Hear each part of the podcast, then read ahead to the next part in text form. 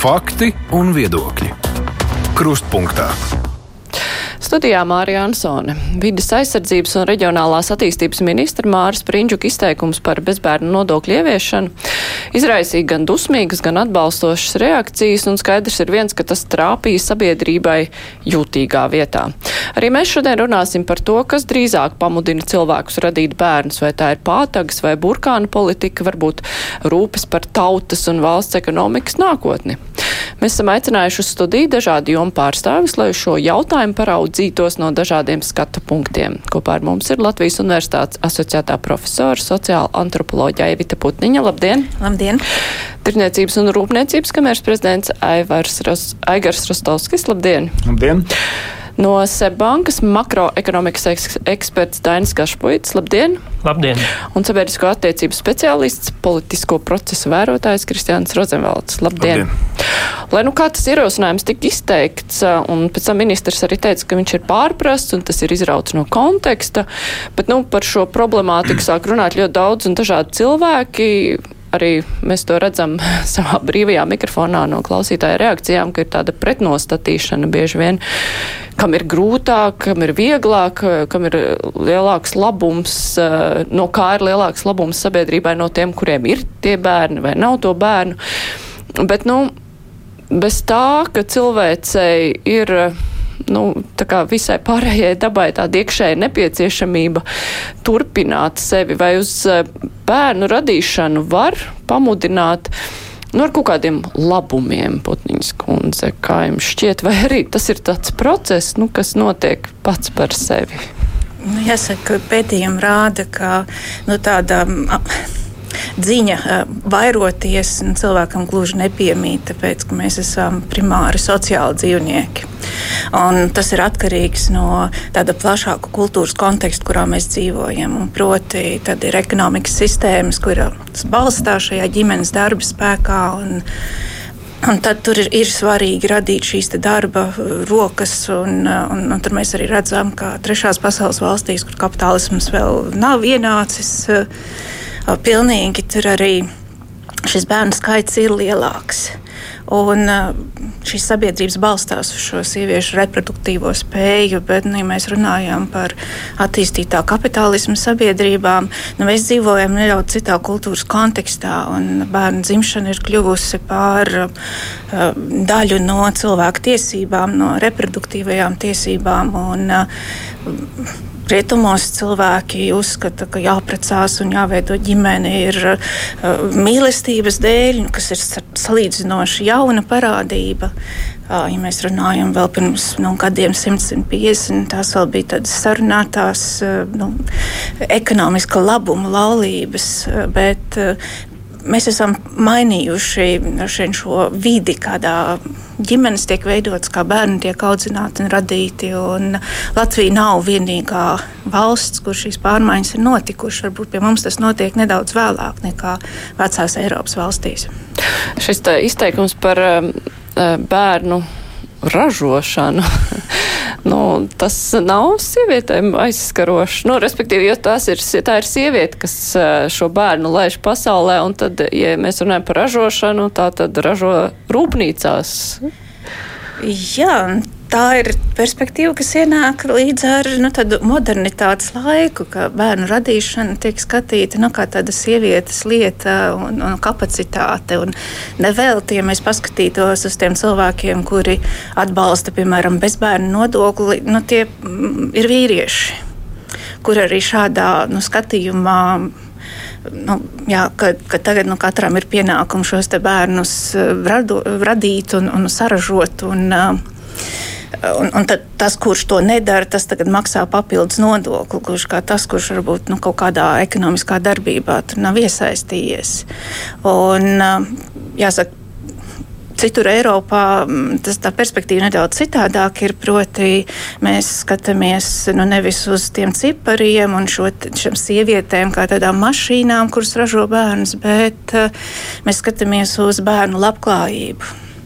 Uh, sociālās atstumtības un nabadzības risku. Un proti, nav svarīgi, nu, cik daudz tie bērni ir piedzemdēti, bet ir svarīgi, ka katrs bērns izauga iespējami labvēlīgos apstākļos un saņem visu, kas ir nepieciešams attīstībai. Nu, tā, no nu, tāda politiskā viedokļa šie izteikumi ir tāds, nu, tā, nu, tā vienkārši, jūs prāt, neveiklas, neveiklas sagadīšanās vai tomēr, nu, parāda kaut kādu politikas novirzienu. Kā mēs redzam šo te demogrāfijas politiku, cik tā ir konservatīva, um, nu, teiksim tā, vai mēs uz to raugāmies ar. Nu, jo kā to pasniedz, vai tas ir piespiedu, nevis piespiedu kārtā, bet ar soda palīdzību, respektīvi lielāku nodokli mēs mudinām cilvēkus radīt bērnus vai ar bonusiem, kas ir, nu, kaut kāda balva par to Rozenvalta kungs. Jā, paldies. Nē, es redzu. Uh, uh, Nu, Pasīsimies uz to, uz to situāciju, kas notika ar šo uh, nu, iznācienu. Ja. Mēs, eh, es esmu dzirdējis to pašu Aigaru, arī zinu, jūs pārējos kolēģus. Mēs runājam par demogrāfijas situāciju Latvijā jau daudzus gadus. Nu, Latvija aiziet aizvien sliktāk un sliktāk. Mums nav savu in, in, in, integrācijas, jeb, eh, nu, kompensācijas politika, lai piesaistītu pietiekami daudz nu, iebraucējus. Paši mēs nespējam sarežot. No vienas puses, nu, lietosim to vārdu, kas tur bija pirms tam pieteikts. Ja. Un mēs par to runājam daudz. Uh, ir bijuši tik daudz paziņojumu, tik daudz aicinājumu, kas nav sadzirdēti. Un te pēkšņi valdības sēdes laikā viens jaunais ministrs neveiksmīgi pasakā to savādā kontekstā. Es domāju, ka viņš to nav ieplānojis. Tas nebija ieplānots, ilgtermiņā sagatavot, ja tā nebija sagatava. Ja? Un tā notika sabiedriskām attiecībām. Diemžēl dažkārt ir lietas, kuras nu, nejauši ar kaut kādu knipi tu izkustina milzīgas lavīnas, un dažkārt tu vari, nezinu, tur mērķiecīgi e, urbt, turp, jo Aigar, tu piekritīsi. Nu, cik jūs daudz par to runājat, tas nu, desmit gadi noteikti iet par to jau, nu, līdzīgi kā visi ekonomisti. Tas no vienas puses. No otras puses, kontekstā ar ar, ar, ar to es negribu tagad iejaukties to, ko profesori teica, jo nu, tur ir, nu, ir kaut kādi pētījumi. Bet nu, tā kā es to sajūtu arī no savas empiriskās pieredzes ar saviem daudziem bērniem mājās, nu, man noteikti nav palīdzējusi 3 plus karte bet tāpat laikā viņi iedrošina. Un, ja ir kaut kādi valstiski soļi, kas mazina manu nedrošību par to, ka es varētu izšķirties par nākamo, nākamo bērnu, Un turklāt pēdējo bērnu es esmu piedzemdējis kopā ar sievu nu, pirms pieciem gadiem, kas ir nu, nu, tādā turīgā vecumā, ja tā var teikt. Tas jau ir mērķiecīgs, plānots solis. Ja? Tad, protams, šie kaut kādi soļi, kas ir sabiedrības atbalsta soļi, viņi palīdz. Viņi, iedro, viņi iedrošina vairāk. Uh, viņi, jo ja tev ir tik daudz nedrošības apkārt. Nu, man nebūs nauda, man nebūs apstākļi, kas notiksies ar pasauli, kas mainīsies ar Latviju. Nu, Iedomājieties, cik tev ir daudz jautājumu iekšēji pirms tu to lēmumu pieņem, kas ir nopietns lēmums. Un katrs mazais nu, solītis, ja mēs runājam par to, es runāju par to, ko teica Sprindžuks. Es runāju par vispār par palīdzības programmu kā tādu. Tā kā es domāju, ka sabiedrībai ir jāpiedalās ar kaut kādiem, uh, nu, nevis pātagas, bet uh, Prēņika. Nu, uh, tur jau, bet tur jau ir tā atšķirība, ka tas, ko viņš sauc par pozitīvo mārketingu, patiesībā izskatās pilnīgi otrādi. Nē, nu labi, rezultāts ir tas pats, kas nodokļu atlaidēm, tas ir kāds bonus cilvēkiem, kuriem ir bērni, bet tas, viņš kā tas teica, tika pasniegts. Komats, tur bija komats, tur bija gan bet, atlaides, gadī, gan. bet jebkurā gadījumā bezbērnu nodoklis tas ir kaut kas papildus nasta tiem cilvēkiem, kuriem nav lai gan nu, kuriem nav bērnu. Tajā pašā laikā trīs plus karte vai. Uh, teiksim, nodokļu atlaide, tas ir kaut kas pilnīgi pretējs nekā papildus nodoklis. Respektīvi, tas vēstījums ir ar negatīvu ziņu. Un, Nē, vai... Mārbi, tas, ko es mēģināju pateikt vēlreiz no jauna. Tad, kad mēs desmitām reizes runājam par to pozitīvo, neviens nedzirdēja. Jā, tajā brīdī, kad pēkšņi viens pateica caur šo pretējo soli, Mēs šodien piedalāmies diskusijās. Šeit Jā, es pirms nedēļas piedalījos Latvijas Krievijas radio. Nu, diskusija Sprindžuks un bezbērnu nodoklis nebeidzas jau otro nedēļu pēc kārtas. Mēs par to debatējam. Principā rezultāts ir panākts. Ir skaidrs, ka nebūs nodoklis. Es domāju, par to neviens nešaubās. Tas, ka mēs šobrīd runājam un runāsim vēl vairāk un vairāk par to, kā palīdzēt, tas ir ļoti labi. Nu. Bet nu, tā sistēma, kas tagad ir, tas jau ir tas pats bezbērnu nodoklis. Atlaidi ir tiem nodokļi, kuriem ir apgādājumie bērni. Nu, tādā veidā es domāju, mēs varam iet, eh, panākt to nodokli caur sēdes durvīm, nosacīt, palielinot atlaides. Uh, tālāk tiem, kam jau ir, un nosacīti to soli, kad mēs spērtu, piemēram, darba spēku nodokļu samazināšanas virzienā, mums būtu jāpieņem dažādi veidi izņēmumi, kur gala beigās mēs to rezultātu, piemēram, varam arī panākt. Ja. Bet tā reakcija jau kur, man liekas, sakņojas. Sakņojas tāda, ka joprojām sabiedrībā tā uztver, ka nodokļu sistēma kā tāda un vispār tā sistēma, ka nu, neticība valstī un nodokļu sistēma, ka nav gluži taisnīga. Un jebkura runa par nodokļu palielināšanu tiek uztvērta ļoti sāsināta kā tādu slogu, ja, kā tādu sodu ja mēs skatāmies tīri pēc tās, eh, teiksim, kā es to redzu, to pašu teiksim, būtību, ko domu, ko nu, teiksim, potenciāli varētu būt gribējis teikt, ir, ka gribam, jā, mums ir izvēle, nav izvēle vai nē, bet tomēr skatoties to demogrāfisko izaicinājumu, kas tagad 90. gada bedres nāk darba tirgu, un mums tas sloks, šis demogrāfiskais sloks būs tik izteikts, arvien izteiktāks un smagāks, gribot, negribot, tas uh, nodoklis nevis kā sots, bet drīzāk nākotnē būtu izaugams tajā, disku, ka mēs diskutētu jau kā tādu nu, teiksim, kontribūciju starp tiem, kas kas lemj, vai ne? Nu, labi, piemēram, kāds, kas lemj, ka nebūtu, tā ir viņa tiesība. Bet viņš saprot, ka jā, es negribu, bet es tomēr dalos kaut kādā mērā atbalstā, lai tomēr tā mūsu nācija un teiksim, mūsu valsts spētu atražoties un, un turpināties. Ja? Nevis kā sodu. Un te, š, no šāda aspekta skatoties, protams, mums vēl ilgi jāaug un jādiskutē. Un, protams, ka tas nodoklis nav reāls tuvākajos gados kā tāds. Jā, piemēram, mēs šobrīd tik konkrēti par to runātu.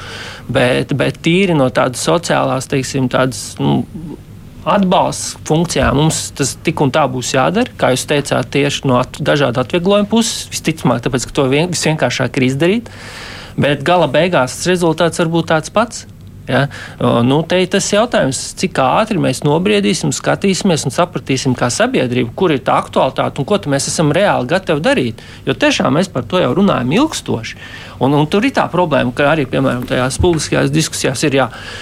Nu, nekur pasaulē tā nav, nav un tā tālāk, un rietumos vēl kaut kas. Bet paskatīsimies, teiksim, tur nodokļu vai teiksim, dzīves līmeņu tās valsts, kas ir mums tālu priekšā, kas veido to domu, kā jābūt nodokļu sistēmai, sociālajiem labumiem un tā tālāk. Tas viss valstis pamatā ir atvērts iestrādniekiem, imigrācijai. Mēs tam neesam gatavi. Līdz ar to, ko mums darīt? Ja? Līdz ar to skaidrs, ka tajā virzienā mums būs papildus resursi jāvelta. Nu, kur viņus ņemt? Līdz ar to pēc pieciem gadiem, pēc šī raunda mēs izdiskutēsim nosēdīsies, varbūt pēc, varbūt pēc desmitā rauda, agrāk vai vēl mēs tur nonāksim. Gribam, negribam, lai kā mēs to tagad, cik asi tagad mēs pievērstos tieši kā ministrs izteicās, ja? bet mēs agrāk vai vēl tur būsim. Citādos, caur atvieglojumiem vai kā, bet tur būs jāgulda nauda. Kur to naudu ņemt? Un jautājums, kam jāgulda nauda vai par šī, nu, teiksim tā, par eh, stimulēšanas, eh, dzimstības stimulēšanas eh, mehānismiem ir jārunā tādā pozitīvā veidā, kad ir kādas nodokļu atlaides, bonusi vai negatīvā veidā kā papildus maksājums. Nu, tīri, jo tas parasti tiek sasaistīts ar darba algu, ar ienākumiem, tātad tas ies cauri uzņēmējiem, kuri maksā tās algas. Kā jūs to redzat efektīvākā veidā to vajadzētu pasniegt? Jā, es Ehm, personīgi vienmēr esmu ar to pozitīvo stimulēšanu. Tas tāds mana pieeja ir, ir, ir, ir dzīvē, bet um, es domāju, ka tā lieta tiešām ir jāsadala tādās sastāvdaļās. Es domāju, to vēsturisko un to visu arī bērnu radīšanu ģimenē, to atstāsim antropologiem un, un, un ģimenēm. Ja, bet no tāda valstiskā viedokļa faktiski jau nu, politiķiem vai tiem, kas ir pie varas, viņiem par tām lietām ir jādomā. Jo nu, gala beigās Mums, kā, nu, kā valstī, kā sabiedrība, ir teritorija, ir valsts, ir Latvija, ir iedzīvotāji. Nu, ir kaut kādā veidā jāskatās uz priekšu, lai mēs varētu pastāvēt ilgu laiku. Un tad ir tās dažādas izvēles, to, ko mēs redzam. Uh, gan rietumu civilizācija, gan Latvijā faktiski tā, nu, jau ar to ražo, lietot to vārdu atražošana nenotiek pilnā mērā. Tur jau nav jābūt kaut kādam Einsteinam, lai sarēķinātu kaut kādā brīdī. Tas var eh, nu, stādīt mūsu kā valsts, kā tautas pastāvēšanu zem riska. Jā. Un tad, tad vienkārši jādomā, pa kuru ceļu iet. Un, tā, tas ir viens. Un otrs, man, nu, teiksim, es nāku no biznesa, un, un man tādā ziņā. Nu, vienmēr ir nu, diezgan negatīvā ziņā uzjautinājis tas par tām dažādām prioritātēm. Jā, ka mums vajag to un vēl kaut ko, vēl kaut ko. Faktiski jau prioritāšu noteikšana nozīmē, ka mēs tiešām atsakāmies no tā, ko mēs nedarām. Un tad ir jautājums. Es, piemēram, parēķināju arī caur savu prizmu. Man, man ir trīs bērni šobrīd, un varbūt būs vēl, vēl, vēl, vēl, vēl kāds, ja es ceru. Bet uh, es tieši pajautāju, vakar kundzeņa pastījās kaut kur 200 pāri eirīšiem mēs tur saņemam eh, mēnesī par bērniem. Mums tas nebūtu varbūt izšķiroši, bet pagaidi, nu, es pareiķināju uz kalkulātoru, tas ir kaut kur vieni nu, 25 miljoni, kaut kur, ko valsts uh, dod, ja, nu, eh, pozitīvā ziņā. Ja tā, ja tā ir prioritāte, un paskatāmies, kā, kā mēs tur šķērdējam naudu Covid-19, vēl kaut kur iedodam, nezinu, 100 miljonus, 150. Ja tā ir prioritāte, nē, ja nav prioritāte, tā arī pasakām. Tas nav vajadzīgs, jā, un dzīvojam kā dzīvojam. Tas ir jautājums par prioritātēm. Jā. Un, un, un faktiski jau nu, tieši tā, es domāju, ka tā, tajā labklājības situācijā, kurā mēs šobrīd esam, otrs, mēs varam pastīties arī nu, tās valsts, kas ir labklājīgākas, par ko kolēģi teica, jā, arī tai intensīvai nu, imigrācijas politikai, viņiem ir savi plusi, savs blaknes, un mums, mēs teiksim tā, ja mēs sekojam nu, rietumu civilizācija ar tādu nobīdi. Mums ir iespējas nu, pavērtēt, ko, kas viņiem izdevies, ir pozitīvi, kas negatīvi. Mums patiesībā ir lielāks manevru iespējas pieņemt nu, tādus viedākus, gudrākus, strateģiskus lēmumus. Un iespējams, ka šis ir virziens. Jā. Jo gala beigās, no kaut kā mēs pastamies, nu, desmit, desmit miljardu budžets, jā, plusā, kas būs, nu, viena, pieņemsim, ja palielina teiksim, to stimulējošo, teiksim, četrkārtīgi, jā, tas nav nekas milzīgi liels. Varbūt tas skan tā, caur tādu ražošanas prizmu, jā, bet gala beigās, ja mēs padomājam arī nu, par par visiem tiem, kas dzīvos pēc 50, 100 gadu, tad jautājums, kāda būs tā sabiedrība tad? Vai, vai viņi būs teiksim, vairāk nu, tāda latviska vai savādāk, vai, vai kā tā valsts pastāvēs vai nepastāvēs? Tie arī ir jautājumi, kas ir kā, jāmēģina modelēt uz priekšu. Kā, manuprāt, pats svarīgākais šī tēmā, kas ir pacēlusies, un ļoti labi, ka mēdī ir iesaistījušies, vienkārši par to diskutēt, un modelēt dažādas situācijas, un tad sabiedrība kopumā pieņem lēmumus, ko politiķi zem tiem dažādiem viedokļiem arī nu, spēja kā, nu, nofinalizēt, ja, ja nu, ieviest likumdošanā. Nu, jā, un jautājums ir, vai sabiedrība spēja vienoties, jo tas, ko es redzu no vēstulēm, kas, ko cilvēki raksta, ir tāda pretnostatīšana. Ir tā viena sabiedrības daļa, kuriem ir bērni, kuri saka, palieliniet tos pabalstus, atbalstiet, ka kur ir tie bērnu dārzi, kur ir viss pārējais. Un eh, te bija cita vēstule, piemēram, kur, kur klausījās jau brīvajā mikrofonā nolasīja, ka daudz ģimenes Latvijā kļūst klāji nekaunīgas, jo uzskata, ka viņiem no citiem kaut kas pienāks. Un tur bija milzīgs apraksts, ka klausītājs neuzskata par savu pienākumu atbalstīt daudz bērnu ģimenes. Vai sabiedrība vispār tad var vienoties par kaut ko tādu? Droši vien, ka nevar. Un, un tie, kuriem gribās šos bezbērnu nodokļus, un tie parasti ir tēvi, kuriem tie bērni ir un kuriem būtu labums, un ir tādi, kuriem atkal tas nu, nekādā veidā nav vajadzīgs. Mēs jau esam unikāla valsts ar to, ka mums ir ārkārtīgi daudz, piemēram, alimentu nemaksātāju, nu, kur pat bioloģiskie tēvi nu, nevienmēr uzskata, ka, ka viņiem vajadzētu uzturēt uh, savus bērnus. Bet uh, vīrieši Latvijā toties gana labprātāk uztur savus partneres uh, nebioloģiskos bērnus. Nu, proti, ja ir šīs attiecības, tad tās attiecības ar bērnu tiek veidotas ar sievieti. Bet, uh, Ko ar šo es gribu teikt? Ka, nu, mums ir no vienas puses nu, tāda interesanta nu, perspektīva. Mēs par to runājam tā abstrakti, kā par atražošanu, lieliem cipariem un šiem demografiskajiem datiem un, un stimulāciju. Un, un, protams, kā ar tiksim, lielākiem pabalstiem, ar naudas summu palielināšanu ir iespējams panākt zināmu efektu, bet tas efekts būs uz tā rēķina, ka iespējams, ka cilvēki, kuri ir gatavi šiem bērniem, viņi šos bērnus radīs varbūt agrāk. Ja nebūtu šo apstākļu, viņi varbūt atliktu. Nu, no otras puses, tas arī ir demogrāfu mērķis, lai cilvēki tas, ātrāk izšķirst par bērniem. Jā, tas tā arī ir, un to mēs arī redzējām, ka mums bija demogrāfijas politikas uzrāviens, uzreiz nāca dzimstības kāpums, bet tā nelaime ir, ka pēc tam vienmēr sekos bedre, tāpēc, ka tie, kas ir gribējuši šos bērnus atļauties, ir atļāvušies. Un, un, protams, ka ekonomiskai situācijai tur noteikti ir ārkārtīgi liela loma, bet tā, tā loma ir nu, tādā kā stabilitātei, ka cilvēks ir pārliecināts, viņš izšķirās par bērnu. Ja nu gadījumā kaut kas notiek, tad nu, ir kaut kādi drošības mehānismi. Bet citi faktori ir, kur ir ārkārtīgi liela loma, tie ir drīzāk nu, tādi intīmas dabas. Proti, vai man ir partneris, ar ko radīt bērnus, vai es tās attiecības varu noturēt. Mēs zinām, mums ir valstī nu, tāda ārkārtīgi liela problēma ar attiecību veidošanas prasmēm. Es ar tiesību sargā biju uz diskusiju, kur bija jaunieši no sociālās rehabilitācijas programmām, kur, kur bija iedzīvojuši šajās problēmās. Kas bija interesanti, viņi visi teica, ka viņi skolā, ne, ne bērnu dārzā, viņi nekur nav izgājuši nekādas apmācības un, vai, vai programmas, kur viņiem, ja ģimenē šīs attiecību prasmes nav iemācītas, kur, kur tās varētu mācīt. Un līdz ar to nu, tādā ikdienas praktiskā līmenī nu, tā, tā problēma drīzāk ir šajās um, praktiskajās attiecībās. Ja, tad varbūt nāk šis ekonomiskais uh, konteksts, nu, kas arī, protams, ir svarīgs. Mums klausīt, Papildināt, ne? Nu, neko papildināt, mm -hmm. klausīties klausītāji. Jā, ne, klausītājs ir eh, lūdzis uzdot eh, jautājumu visiem diskusijas dalībniekiem, kādi tad ir sabiedrības dalībnieku pienākumi pret sabiedrību? Kāda ir starpība starp pienākumu maksāt nodokļus un radīt nākošos nodokļu maks maksātājus? Viņš kā ekonomists neredz starpību. Un tas, eh, nu, arī sasaucās ar to, ko jūs teicāt ko mēs kā sabiedrība esam gatavi darīt? Un ko nu, tāpēc, mēs ka, nu, tā vai savādāk nu, mēs tomēr uh, esam nu, kā sabiedrība, kā valsts, kā jau mēs minējām. Nu, jautājums, kādu turpinātību, kādu mēs redzam nākotnē. Nu, jo ir skaidrs, pirmais skatīties no šāda aspekta, kā nācijas teiksim, turpinātība, gan arī kā ekonomikas. Ja, ja ekonomikā uh, veidojās šis lielais. Uh, vecāku cilvēku gadagājumu īpatsvars. Ja? Tas nenoliedzami maina visu struktūru, maina visu teiksim, uzbūvi un, un tā tālāk. Tur ir struktūrālās reformas, ko mēs redzam, ka mēs īstenībā neesam gatavi, kas, kas, kas tikai vēl nāks un, un sarežģīsies.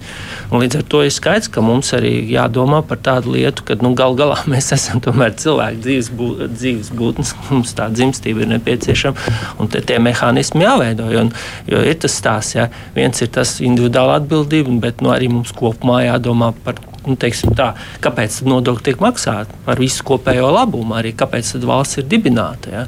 Nu, te ir tas stāsts, ka nu, no tādas ilgspējas valstiskās sabiedrības, kā nācijas, tas ir jādomā. Nu jā, tad ir jautājums, vai es kā sabiedrības pārstāvis teiksim, nobalsoju par partiju, kura ir eh, apsolījusi četreiz palielināt naudu, piemēram, mm. bērnu atbalstam, vai arī es kā sabiedrības pārstāvis apņemos radīt tik un tik bērnus. Respektīvi, viena lieta ir caur valsti, kā, un otra lieta ir personīgi dot tādu ieguldījumu visa mūža garumā. Tad gan tā, gan ir... tā, es teiktu, jo mēs redzam, taču arī, nu, praktiski, nu labi, to mēs izteikti redzējām varbūt tādos totalitāros režīmos. Ja, bet, bet tā, tā ideja jau ir eh, visādos teiksim, virzienos darīt. Ja, kad, nu, pēc savas būtības tas ir arī savu veidu valsts propagandas vai teiksim, tādas valsts eh, vērtību arī. Nu, teiksim, jautājums. Ja, ja piemēram mēs uh, kultivēsim, ka trīs bērni ir forši un tā tālāk, un izveidosim tam atbalst, atbalstošu vidi, ja, tad mēs runājam par tiem pabalstiem. Ja.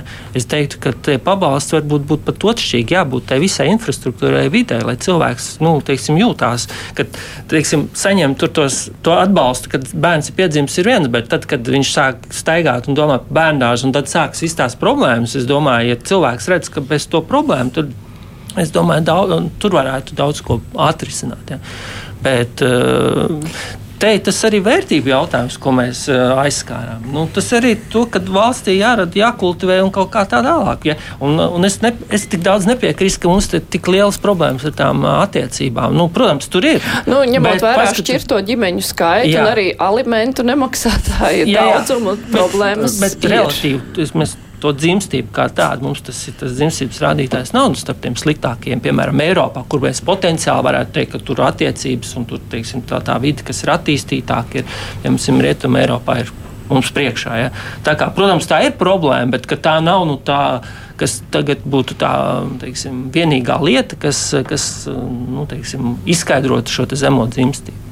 Bet, nu jā, bet tur, tur sadurās tās nu, individu kaut kādas nu, vēlmes vai vajadzības, jau no tāda individu skatu punkta, no tāda nu, sabiedrības skatu punkta. Un te ir tas moments, nu, piemēram, nu, ja, es, ja es redzu, ka nekādi instrumenti nedarbojas un, un, un dzimstība krīt lejā un, un tā imigrācijas politika nestrādā, tad es jau varu principā prognozēt, ka maniem bērniem tā vide būs sarežģītāka, tāpēc ka cilvēki būs mazāk, tā teritorija būs jāuztur mazāk skaitam, ticam, būs lielāka nodokļa tā tālāk. Un es kā vecāks varu pieņemt lēmumu virzīt bērnu nu, jau integrēties citās sabiedrībās, tāpēc ka tur šie nu, riski ir mazāki. Jā. Savukārt, ja es redzu, ka šeit viss, kas ir plauks un ir visādas politikas, nu, tad, kā saka, tie ir citi lēmumi. Tad tas, ir, tas nav tā kā Excel, tas ir tāda nu, virzība, kur, kur sabiedrība, kur valsts virzās. Jā. Un, protams, ka šīs sadursmes ir starp individu un, un, un tādiem dažādiem viedokļiem.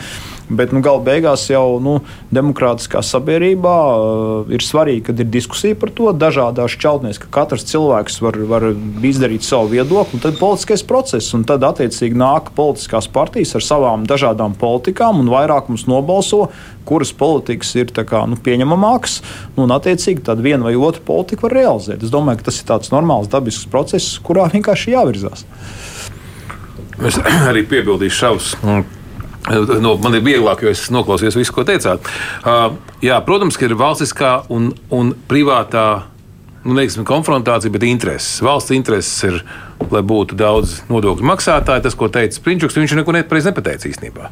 No vienas puses, no otras puses, mēs zinām, ka pēdējā laikā mēs aizvien vairāk un vairāk runājam par savām individuālām interesēm, eh, jeb tiesībām, kuras nevienmēr sakrīt ar valsts interesēm. Tas, kā es priekš sevis, ja mēs tagad runājam par šo konkrēto jautājumu, redzu eh, šo situāciju, ka jā, mēs varam runāt patētiski par to, cik tas būtu pareizi mums būt ar daudziem bērniem, bet, ja man ir personiskās lietas, es vienalga par to varu domāt mazāk. Tas, kur es redzu argumentu, vismaz šajā gadījumā, ir Kristiāna Rozenvalda padomā par sevi. Kā minimums padomā par sevi. Jo, ja, ja man ir trīs bērni un mājās dzīvo pieci, tad iespēja, ka es nenomiršu viens pats vecumdienās, ir lielāka nekā tad, ja tomēr tiem cilvēkiem, kas ir no dzīvo šobrīd vieni paši, uzskata, ka tas nav viņu pienākums, ka viņiem ir tiesības nenomāt par ģimeni, viņiem tiesības būt brīvam no šiem it kā ģimenes institūta. Bet pēc tam savukārt viņš prasīs, lai visa sabiedrība kopā viņam apmaksā vecumdienās pansionātu, un, ko, un, būtu, un viņi būtu, lai būtu bērni, kas iet pie viņa ciemos uz Ziemassvētku laikā un viņu samīļo. Nu, Piedošanu, bet tas tomēr nav iespējams. Un tas, ko dara daudzas citas neattīstītās valsts, viņas kā reiz to arī spekulē. Manuprāt, Turkmenistānā, kur, kur vēl citur, un daudzās Āzijas valstīs vispār nav pensijas. Vienkārši viņi nav kā tāda. Vienkārši tava pensija ir tavi bērni, un tas īstenībā daudz ko atvieglo tas ir skan ļoti ciniski, bet tas ir, nu, tas ir viens kā otra galējība. Jo uzrunāt visus un teikt, ka jums būtu jābūt ļoti labiem ar daudz bērniem, tāpēc, lai mēs latvieši kopumā vairotos, nu, tas nevienam tas nestrādās. Tas strādās patētiski, jā, bet. Nu, kā angliskais vārds, not in my backyard. Tad, vienkārši, jā, es esmu par attīstību, bet ne, ne, savā, ne savā sētā. Bet tas, ko es piekrītu, kur, uh, kur bija. Uh, Un arī zin, piekrīt tam, ko mēs redzējām šeit, šajā sarunā, ka ir konfrontācijas starp viedokļiem. Jo nav jau visi sakoši, ka mums jādomā par to, ka jāatbalsta tiem, kam ir tie bērni. Jo Riku bija piemērs ar tiem pašiem, es arī dzirdēju beigas no radioklausītāja, un uh, to es sajūtu, tad, kad mēs uh, uzņēmumu pievienojamies 3 plus kartē. Tad ir tas, kāpēc man nedod viņiem atlaides Tad sanāk, kurš par to maksās, kāpēc to nekompensē kāds cits. Nu, tā sajūta nav Latvijā kā Igaunijā, kur tu tiešām sajūti, ka uz katra soļa tas trīs plus darbojās katrā katrā akvaparkā, katrā iespējamajā nu, bērniem pietuvinātajā pasākumā, tu to atlaidi sajūti. Nevis atlaidi, tu sajūti attieksmi. Bērns, ģimene, māmiņa ar tēvu, ar trim bērniem ir nu, tiešām jūt, ka sabiedrība kaut kā viņiem Nu, Bet tas nozīmē, ka roku, sabiedrība jā. ir pārliecināta, pārliecinājusies, ka lielas ģimenes tā ir nākotnē, ka viņi domā par to, kas būs tālāk pēc 20, 50 gadiem. Un mēs kā sabiedrība neesam tik ļoti man to iemācījušies. Man jāatzīst godīgi, ka dažos gadījumos man liekas, ka latviešu sabiedrības, sabiedrības vairākums ir tādi viendienīši. Viņi nesaprot to sajūtu. Nu, tas, ko teica tikko Aigars pirms tam, ja, nu, e, nav jābūt Einsteinam matemātikam, lai saprastu, ka šobrīd mūsu nodokļu maksātāju skaits ir mazāks nekā pensionāru skaits, un viņš turpina samazināties. Tad prasīt nu, pensionāru, nu, ne, nu labi, turpina tas, viņš turpina sarukt. Ja? Tad vienkārši prasīt, lai pensionāri saņemtu pensiju tikpat lielu kā šobrīd algu, ir vienkārši neiespējami pēc matemātiskās definīcijas. Viņiem pat trešdaļa nepienākās. Nevis vairs nepienākās, tāpēc ka vienkārši tur nav, nu, nav, nav no kā paņemt. Jo mums ir solidārais, ja tur droši vien jūs varat izdarīt vairāk to, nu, lai skatītājiem būtu saprotamāk.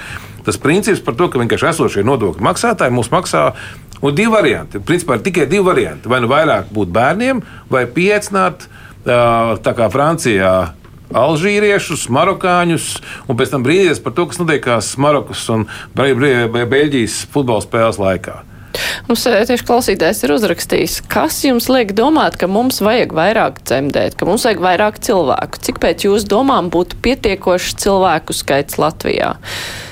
Bet runa jau laikam nav par cilvēku skaitu, bet par eh, proporciju starp darbspējīgajiem. Un, uh... Jā, bet tur ir, tur ir jautājums, nevis pa īsu, īsa, īsa, bet tur ir jautājums, eh, protams, ka noteikti var nu, veiksmīgi dzīvot, un to, piemēram, pierāda kaut vai Islanda vai Somija, kad tādā teritorijā var dzīvot mazāks skaits un to darīt veiksmīgi, bet ir atkal jāpieņem citi tādi lēmumi, ja nu tur par skoliem, skolām laukos, par vai visur ceļus var aizvest un, un, un nu, kāda ekonomikas struktūra. Tas vienkārši ir, nu, nav, nav tā, ka kad, eh, nu, kad tu vienkārši neko nedarīt, ka tev tas viss garantēti būs. Tas ir stāsts par kaut kādām. Nu, eh, dažie, dažādiem attīstības scenārijiem, eh, bet, bet nu, ja tie attīstības scenāriji viens vai otrs virzās un sabiedrībā viņi tiek pieņemti, tad viņiem ir saulēcīgi jāgatavo nu, kaut kādi citi lēmumi. Ja? Nu, nezinu, bērnu dārza tīkls, skolu tīkls, vēl kaut kāda ceļu tīkls, viss tas pārējais. Un tas ir tas stāsts, ja, jo, jo tā stratēģija ir pārdomātāka, jo viņi var kompleksāk un veiksmīgāk realizēt. Nu, tas, ir, tas ir tās no tās tautsēmniecības viedokļa. Ja.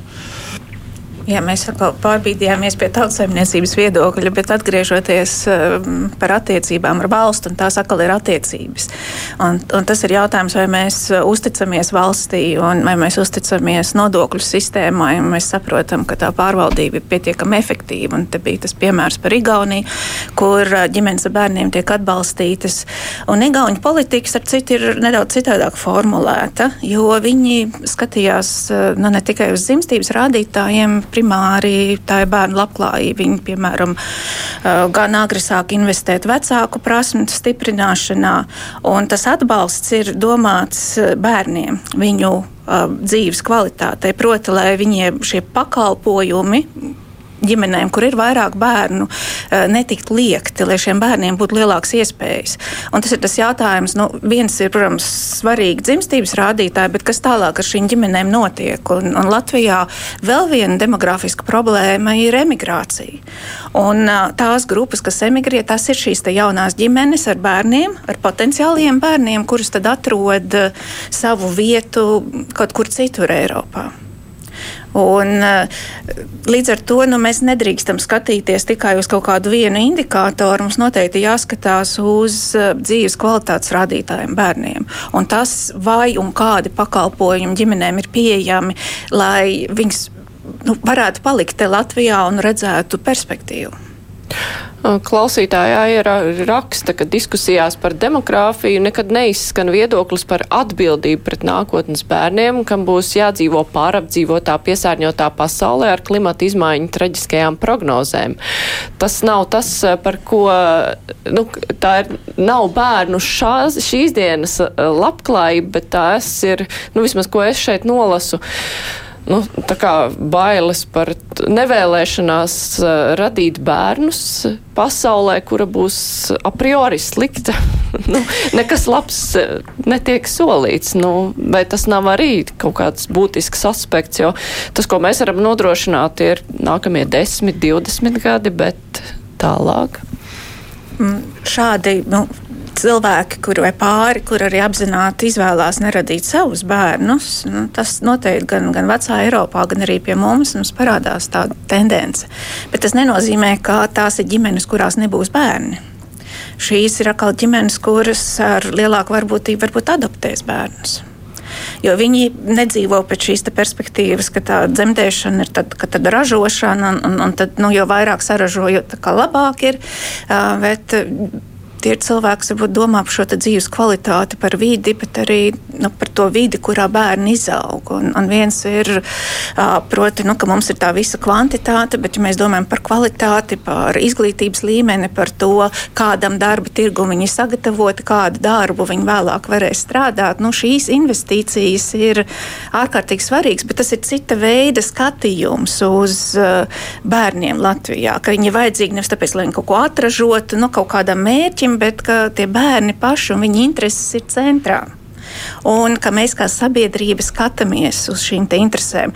Un mēs redzam, ka tādā nu, ģimenes vai pat paplašinātās ģimenes un tādu draugu līmenī ir šī kooperācija. Un, un ģimenes, lai nu, kādā krīzes situācijā palīdzētu, uh, liek šos resursus kopā, piemēram, investējot bērnam izglītībā. Mums ir ļoti daudz ģimeņu līdzekļu aiziet interešu izglītībai, privātu skolotājiem, lai bērni tiktu pēc iespējas labākās skolās.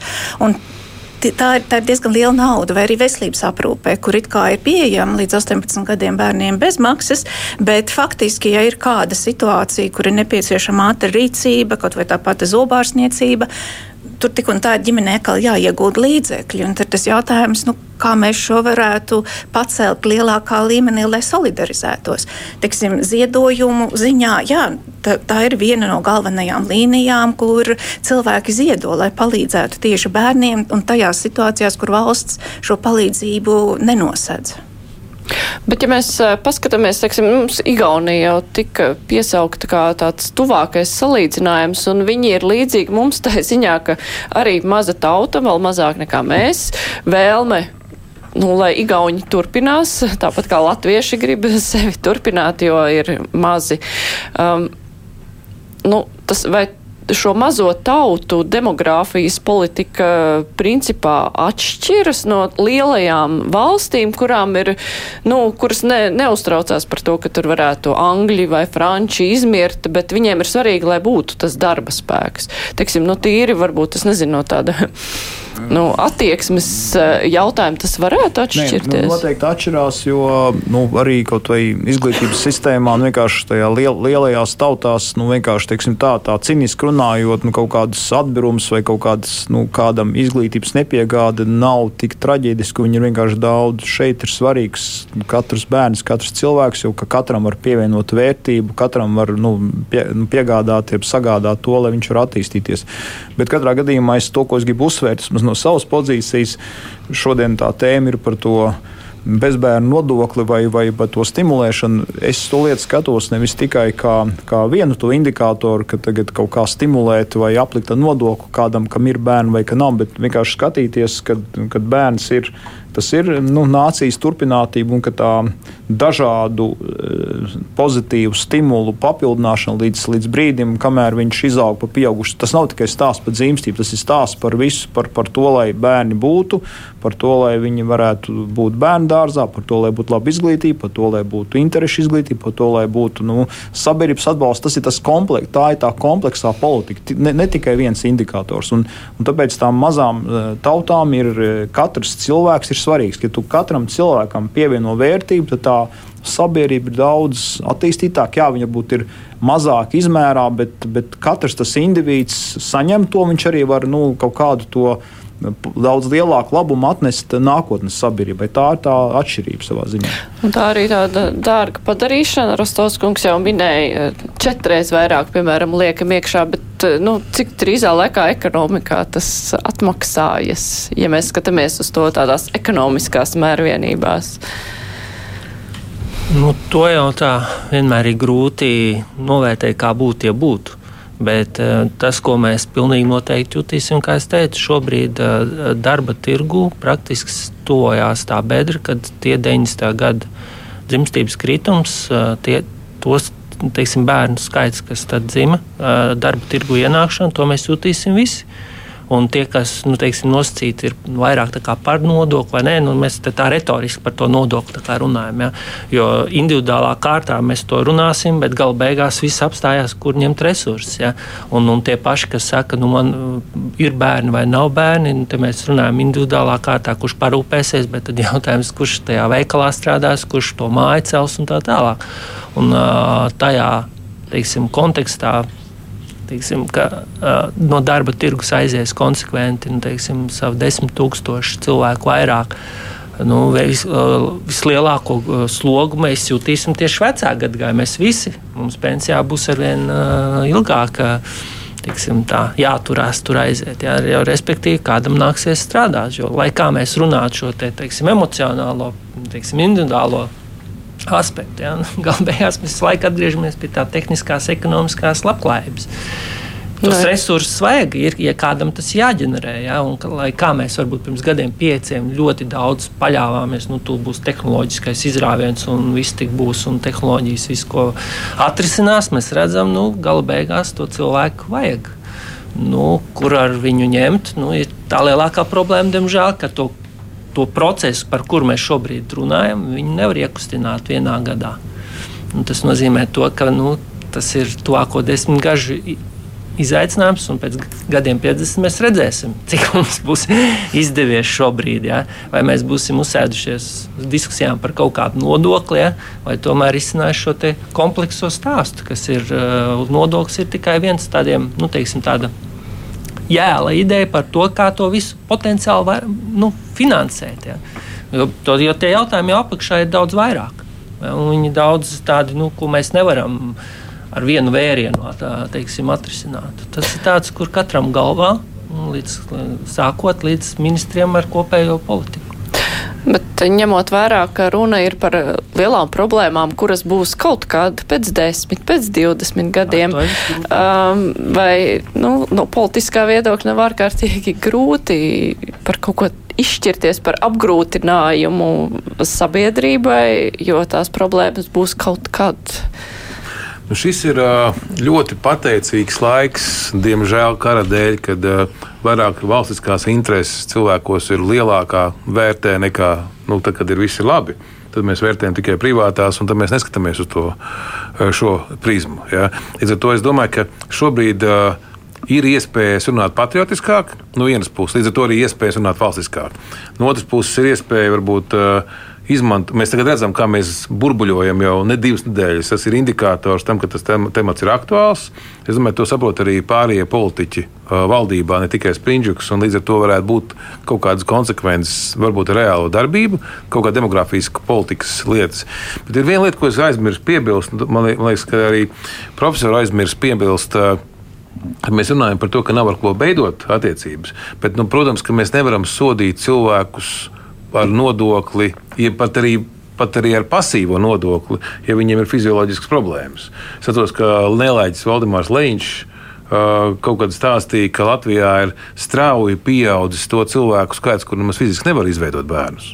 Un tur īstenībā tā ir vēl viena problēma, kas arī prasītos, ka arī tas prasītos no demogrāfijas politikas viedokļa, ka mēs palīdzētu viņus veidot, mud, mudināt ātrāk radot apstākļus, kad studiju laikā, nu, kas ir īstenībā, jo tas, ko viņš teica, ka jaunībā vēl tu vari, ar katru gadu cilvēku skaits spējīgs uh, izveidot bērnu samazinās.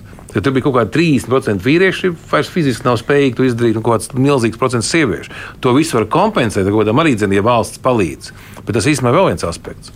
Ja mēs tagad iedomājamies, mēs sodīsim ar bezbērnu nodokli cilvēku, kurš tāpatās pārdzīvo, ka viņš nemaz nevar, nemaz nevar būt tēvs ja māte. Bet tas ir arī pārspīlējums. Ja? Kad nu, mēs kaut ko sodītu, un vēl kaut kas, ja tāds ja, tad, būtu, tad jā. arī noteikti būtu izņēmumi, vēl kaut kas, un tas seko vēlreiz. Tas no, tam būtu jānobriest. Tas ir tāds, nu, tas ir ļoti svarīgs. Īstenībā, mums būtu jāpalīdz veidot sabiedrību. Neieviest, ka visiem bet, paziņo, ka visi maksā, un tad nesiet atsāta, ka jūs nevarat. Nu, to jau arī. Tāpēc cilvēks atrodas. Un tur arī rodas nu, jā, tā nu, nebūtu. pretruna starp ar sieviešu un vīriešu līdztiesības jautājumu, jo sievietes tiek virzītas ātrāk veidot ģimenes, radīt bērnus, un sievietes karjera, tas arī no saimnes tribīnas par tām disertācijām šķiet izskanēja, ka sievietes tad, uh, nu jā, viņas tad vai nu rada bērnus vai veido karjeru, jo tā vienlīdzīgā situācija vienalga nebūs.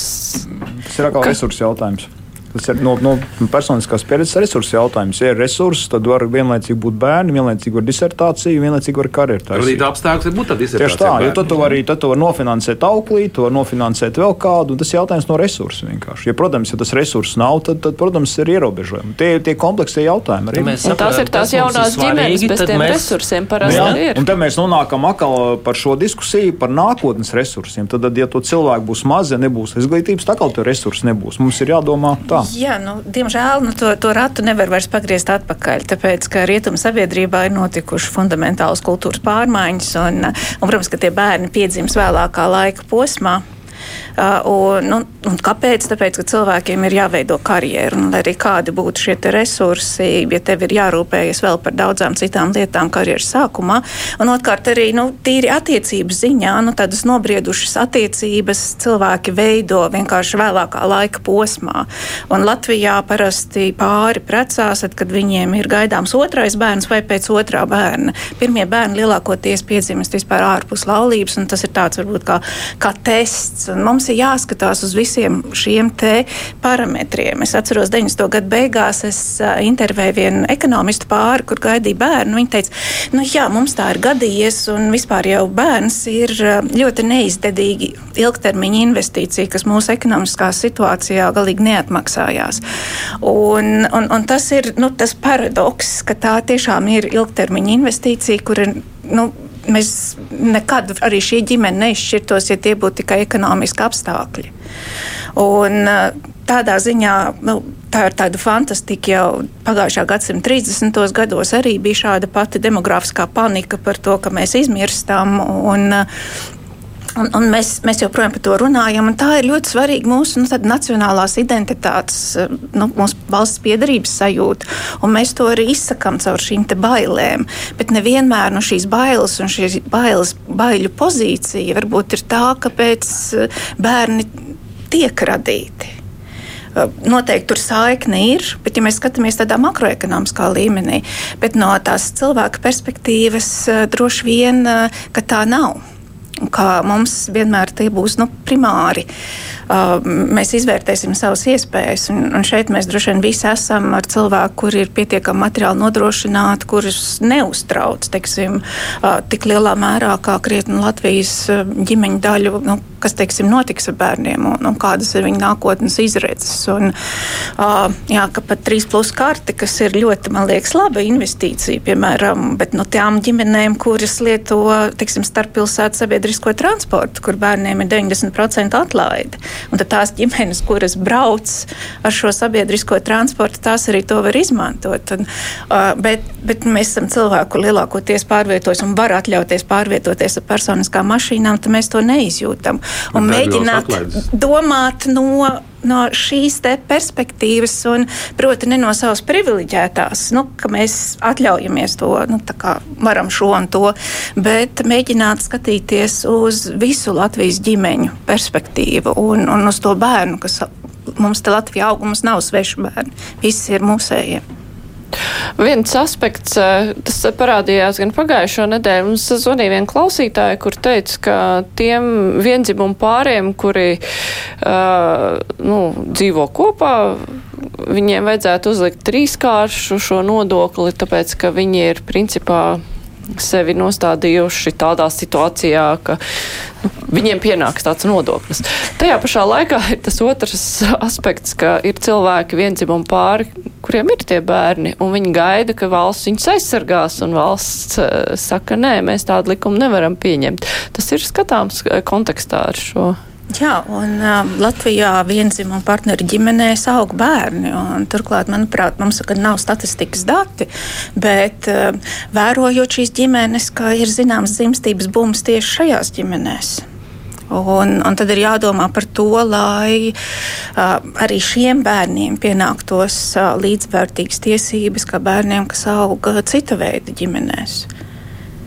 Bet nu, tur trīs plus karte nedarbojās perfekti, jo viņi neskatās, vai tur ir viena mamma Pareizi sakot, neskatās, vai ir divas māmas, bet katrā ziņā tur ir neskatās, vai ir vīrietis un sieviete. Ja ir vienai mātei trīs bērni, tad viņi pēc tā pieskata un tur vienkārši nav nekāda. Bet no trīs plus karta šajā gadījumā ir tas mazākā, mazākā lieta, jo. Simboliskā Latvijas investīcija šobrīd. Jā, bet tas ir arī atlaides eh, par apgādājumiem. eh, Tās ir ģimenes Pašvaldībās finanses. bezmaksas brīvpusdienas, tur ir ļoti daudz, kas tur nav tikai tie pieminēti. Tad es teicu, ka arī pat pa degvielā, pat degvielas 5 centīmi arī liela atlaide. Kaut vai viņas visos cirklēs un, un, un citur. Bet eh, ņemot vērā, nu, ka šī saima jau ir parādījusi sevi, ka nav gatava pieņemt civilās savienības likumu, jo, nu, tas spēku samērs ir konservatīvo un liberālo spēku salikums, ir kāds nu ir, tāds ir ievēlēts.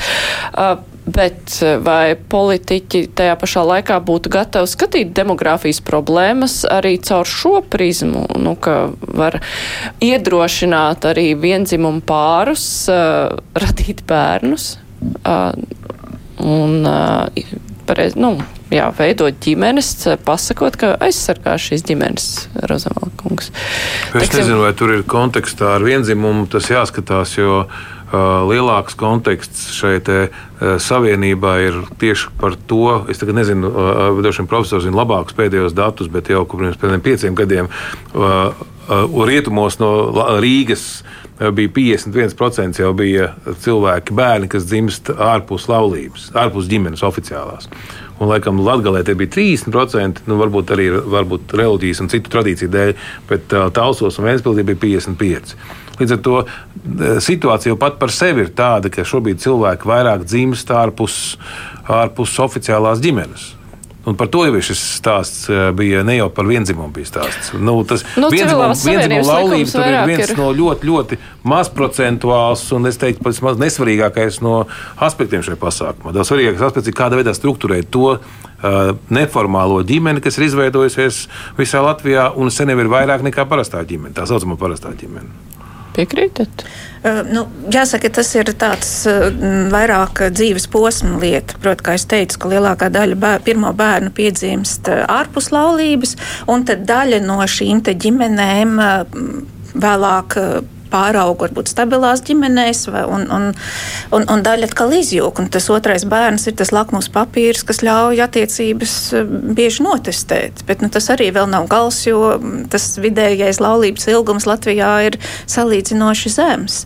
Un, uh, un, protams, ka šī problēma ir jārisina. Es tur piekrītu ne tikai vienzimumu pāri kontekstā, bet arī heteroseksuālu pāri kontekstā, kuri nav salauzājušies, bet uh, kur uh, nu, šīs bērnu interešu dēļ būtu šīs attiecības nepieciešams atzīt.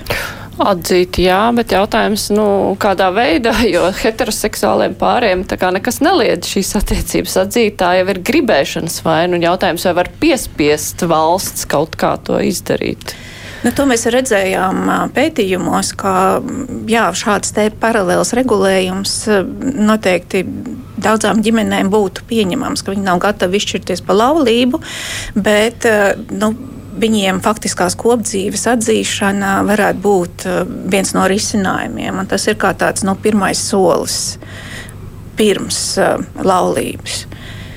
Un tas uh, pat būtu vairāk pat, nu, bērnu interesēs, proti, ka ja šie partneri abi ir uh, radījuši bērnus, un tur ir zināma atbildība un konsekvence nepieciešama. Un, un šīs pāru attiecības, un kas notiek pēc attiecības sabrukšanas, um, Latvijā arī ir nu, tāda. Nu, Gana nerisināta problēma, tāpēc ka cilvēkiem ir maz izpratnes gan par um, kredītiem, kas ir garantēti, un pēc attiecību izjukšanas paliek um, sievas, kuras ir garantējušas kredītu, kuras turpina maksāt, uh, kamēr tiksim, šis vīrs, kas ir šķīries un aizgājis prom, turpina lietot šo mantu.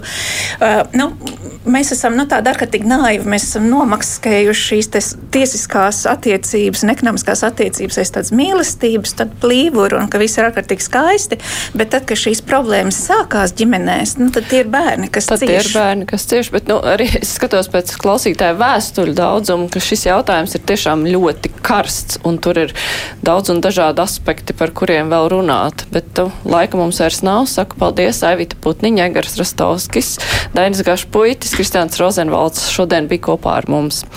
Rīt kruspunktā Aits Tomsons kolēģis runās par vēl ne, nemazāk interesantu jautājumu par latvietību.